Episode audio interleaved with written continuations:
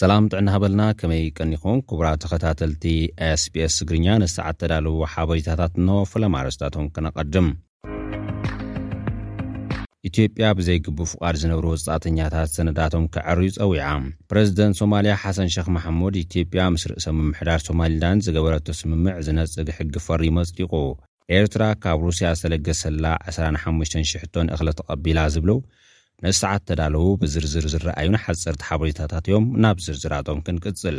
ኢትዮጵያ ብዘይ ግቡእ ፍቓድ ዝነብሩ ወጻእተኛታት ሰነዳቶም ከጻርዩ ጸዊዓ።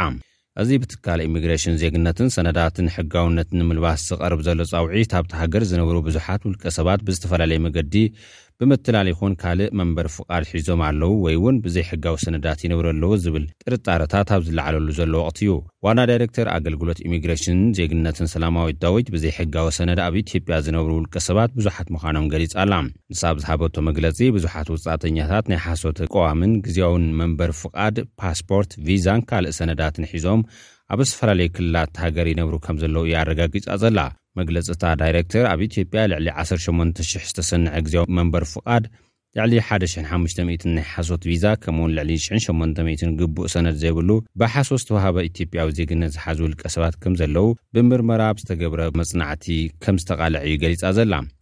ኣብ ኢትዮጵያ ካብ ዝተፈላለያ ጎረባብቲ ሃገራት ተሰዲዶም ዝነበሩ ኣማኢት ኣሽሓት ስደተኛታት ከም ዘለዉ ዝፍለጥ ኮይኑ፣ ኣማኢት ኣሽሓት ኤርትራውያን ሓተቲ ዑቕባን ብጉዳይ መንበሪ ወረቐት ይኹን ስደተኛነት ዘይብሎም ከም ዘለዉ ክንገር ጸኒሑ እዩ።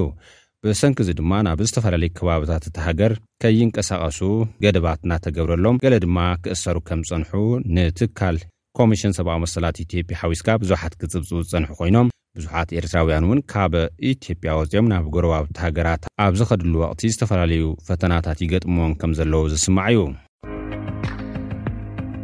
ፕረዚደንት ሶማልያ ሓሰን ሸኽ መሓመድ ኢትዮጵያ ምስ ርእሰ ምምሕዳር ሶማሊላንድ ዝገበረቶ ስምምዕ ዝነጽግ ሕጊ ፈሪሙ ኣጽዲቑ።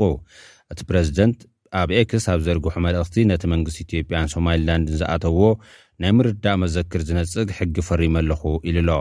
እቲ ፕረዚደንት እቲ ሕጊ ሓድነትናን ሉኣላውነትናን ከምኡ'ውን ግዝኣታዊ ምሉእነትና ንምሕላው ኣገዳሲ እዩ ኢሉ።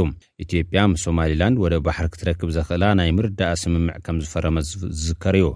ብመሰረት እዚ ስምምዕ ኢትዮጵያ ካብ ሶማሊላንድ ኣስታት ዕስራ ኪሎሜትር ወደብ ክትረክብ እያ። ሶማሊላንድ ድማ ካብ መገዲ ኣየር ኢትዮጵያ ወይ ኢትዮ ቴሌኮም ዝተወሰነ ብፅሒት ከም እትረክብ እዩ መንግስቲ ኢትዮጵያ ገሊፁ። ብውድብ ሕቡራት ሃገራት ይኹን ብሕብረት ኣፍሪካ ኣፍልጦ ዘይተውሃባ ሶማሊላንድ ካብ ኢትዮጵያ ወግዓዊ ኣፍልጦ ክትረክብ እትኽእል እያ ዝብል ሓሳብ እኳ እንተቐረበ ክሳብ ሕዚ ብወግዒ ዝተብሃለ ነገር የለን። ብድሕሪ እዚ ፕረዚደንት ሶማሊያ ሓሰን ሸኽ መሓመድ ምስ ፕረዚደንት ግብፅን መራሒ ኳታርን ብቴሌፎን ከም ዝተዘራረበን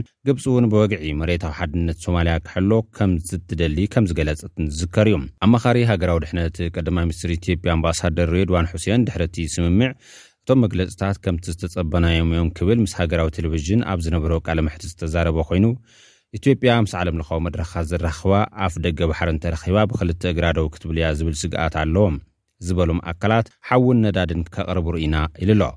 ኢትዮጵያ ባዕላ እትቆጸጻጸሮን እተማዕብሎን ኣፍደገ ባሕሪ ምርካባ ኣብ ጸጥታን ንግዳዊ ንጥፈታትን እታ ሃገር ዓቢ ተራ ከምዝጻወት'ውን እሙን'ዩ ክብል ወሲኹ'ዩ።